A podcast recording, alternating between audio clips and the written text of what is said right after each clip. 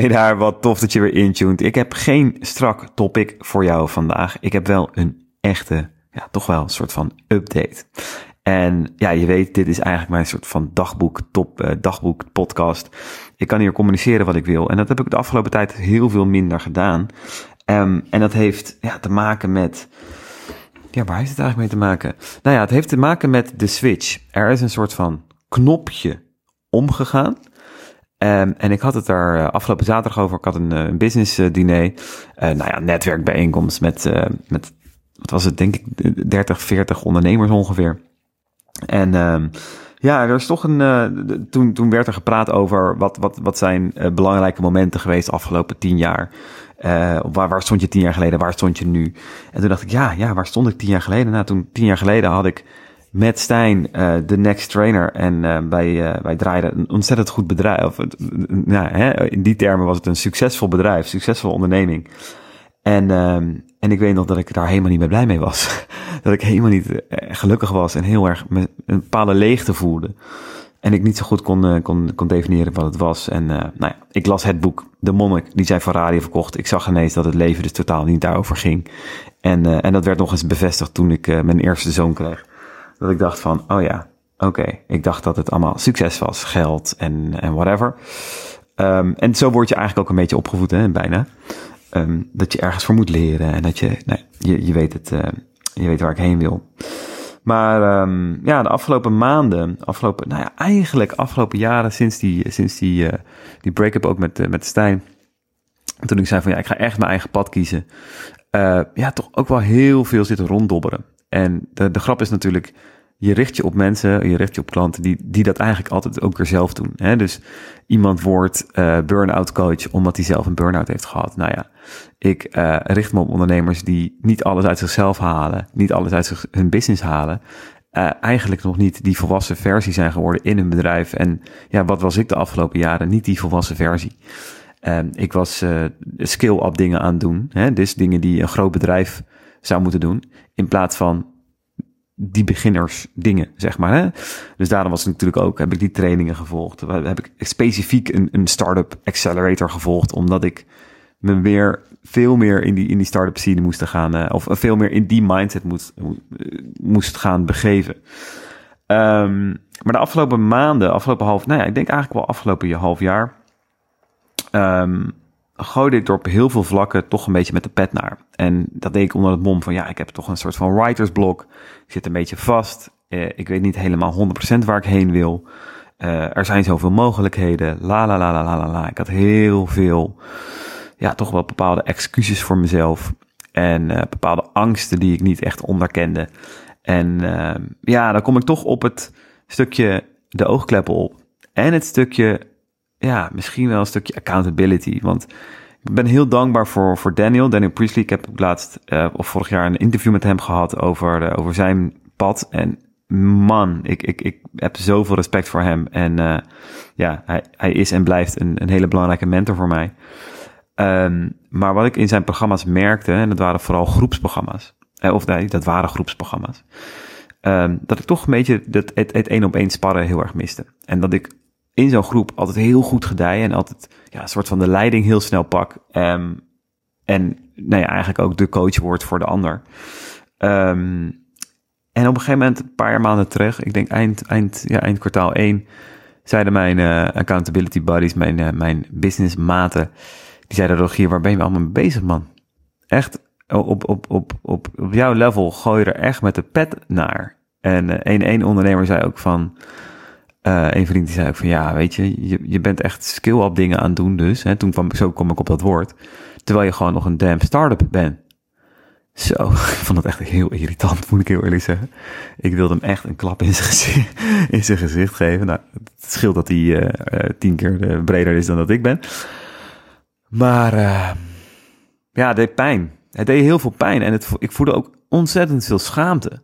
Kijk, achter de schermen was ik lekker bezig. Hè? Achter de schermen was ik met, met, mijn website, met, met heel veel andere zaken, was ik heel lekker bezig. Dus ik kon heel goed uh, gedijen, laten we het zo zeggen.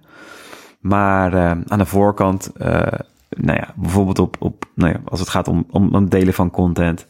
Maar ook vooral gewoon in, in sales. Gewoon, en dan niet eens alleen in, als je nee, niet eens keiharde sales, maar ook gewoon het vragen om van, of het aangeven van, joh, wat doe ik nou eigenlijk? Of het delen, uh, ja, delen van mijn aanbod, of het doen van een aanbod en het mensen aanspreken. Nou, nul. Hè? En, da en daar echt in een soort van schulp zitten, weet je wel. Uh, zelfs als ik gewoon een, via via een mooie, mooie lead kreeg, daar nog niet eens echt heel goed op anticiperen, weet je wel? Of niet snel genoeg, of niet nou ja, agressief genoeg. Niet dat je, niet die lelijke agressiviteit, maar gewoon eager, weet je wel? Gewoon hongerig. Nee, helemaal niet. En uh, ja, daardoor bleef het een beetje zo modderen. En op een, een, een, laag pitje. Ik kon daardoor ook niet echt mensen inhuren en dergelijke. En uh, ja, ze zeiden van, joh, ga eens met, uh, met Miro praten. En Miro, Miro Vermeulen, nou, dat is een, een, een, onder andere business coach. Hij, hij heeft ook heel veel personal training gedaan en dergelijke. Beest van een vent. Ik was ook een beetje bang voor hem. Uh, heel eerlijk. En uh, nou ja, de afgelopen, afgelopen maanden met hem uh, gaan werken. En ja, hij hoefde in die zin heel weinig te doen. Weet je, we hebben niet per se inhoudelijk over de business gehad. Ook wel. Maar hij heeft het vooral de muren, de deuren, de deur opengezet of de muren afgebroken die er was, die ik had gebouwd. En het begint allemaal wat meer te stromen. ik ben gewoon contact aan het zoeken. Ik ben verbinding aan het maken. Ik, ik heb sessies met mooie mensen. Ik doe aan, ik doe, doe, ja, hoe zeg je dat? Ik doe aanbiedingen. Of ik doe een aanbod aan, aan mensen. En, uh, en er, heel apart komen er ook meer inbound, hè? dus binnenkomen. Er komen ook meer dingen binnen. Um, nou ja, er begint wat, wat te stromen. Ik kan ook wat meer gaan uitbesteden. Content wordt wat meer ingepland. Dus ik heb echt al voor ja, de komende maand video's staan. Uh, decks, slide decks. Dat is ook wat ik veel nu deel op social. Uh, die staan er ook al.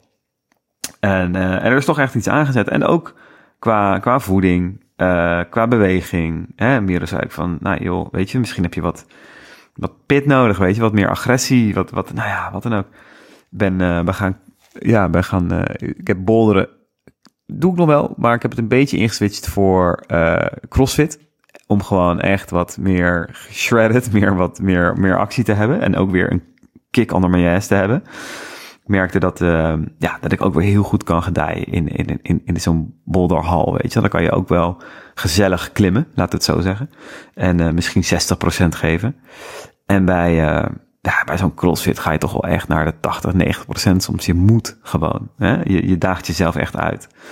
Dus dat is heerlijk. Um, en ook dat het vechtsporter daar, daar zit, uh, waar ik in, in Breda, dat heet Impact Sport. Nou, daar heb je een hal met, uh, met of een, een hele mooie gym, moet ik zeggen. Hele toffe mensen. Ik, ik was er ook gewoon een beetje angstig voor, weet je Dan kom ik daar weer allerlei uh, bodybuilders en, en, weet ik veel wat tegen. Nou, viel gelukkig allemaal heel erg mee. Valt gelukkig heel erg mee. Dus daar ook weer, uh, daarna, dat, is, dat is nu de volgende stap om daar te gaan kickboksen en, en dat soort dingen te doen. Wat nog verder buiten mijn comfortzone is. Uh, en volgend seizoen met, met mijn zoons, die zitten nu al op rugby. Om ook te gaan rugbyen in september. Het zijn van die dingen waarvan ik zie van, oké, dit is wat ik nodig heb. Een klein beetje, nee, ja, wat meer outgoing, man up, weet je wel. Even ervoor gaan. Kom op, weet je, geen gelul, geen bullshit actie. En, uh, en ik, niet dat ik geen actie nam, maar nogmaals, actie op de dingen die er echt toe doen. De, de money needle movers. Weet je wel, de dingen die er die echt voor impact zorgen, die echt ook voor omzet zorgen. En niet alles eromheen. Dus het was heel mooi. En, en, en op dat moment denk je ook van, oh jongens, weet je wel. Je hebt als ondernemer zulke oogkleppen op. Um, je ziet het zelf vaak niet. En dat, je kan het vaak gewoon niet zelf zien. En dat kan, kan je vertellen, maar dan moet je ook ervaren. Dus uh, ja, dat was een, uh, is een hele mooie, mooie periode, moet ik zeggen. Um, je merkt dus echt, ik voel, het voelt als een soort van, soort, soort, soort van knopje die is omgegaan. Uh, de muurtjes die, die, die zichtbaar zijn geworden en die af beginnen te brokkelen. Um, en nou ja, echt een soort van hè, transformatie. En een transformatie kan dus ook, dat vind ik dus ook wel grappig, heel snel gaan. Um, ja, je, hebt de, je, je, moet daar echt een soort van de confrontatie voor durven aan te gaan met jezelf. Um, maar je kan hem pas echt aangaan ook als je daar toch ook wat hulp bij nodig hebt. En dat vind ik heel mooi ook om te zien. Ik merk nu dat ik ben een mentor. En het is heel gek als ik dus andere mensen, hè, andere, mijn klanten kan begeleiden, maar zelf geen mentor heb. Zelf dus niet weet wat het is. Of ik weet het wel, hè, ik heb het altijd wel gehad, hè, maar toch al alleen maar groepsprogramma's, zeg maar. Het is heel anders als je het al, ook zelf ervaart. Dus het is heel logisch om als coach een coach te hebben of als mentor een mentor. En mijn coach heeft waarschijnlijk ook weer een coach en die coach heeft ook waarschijnlijk weer een coach. En dat is gewoon heel gezond.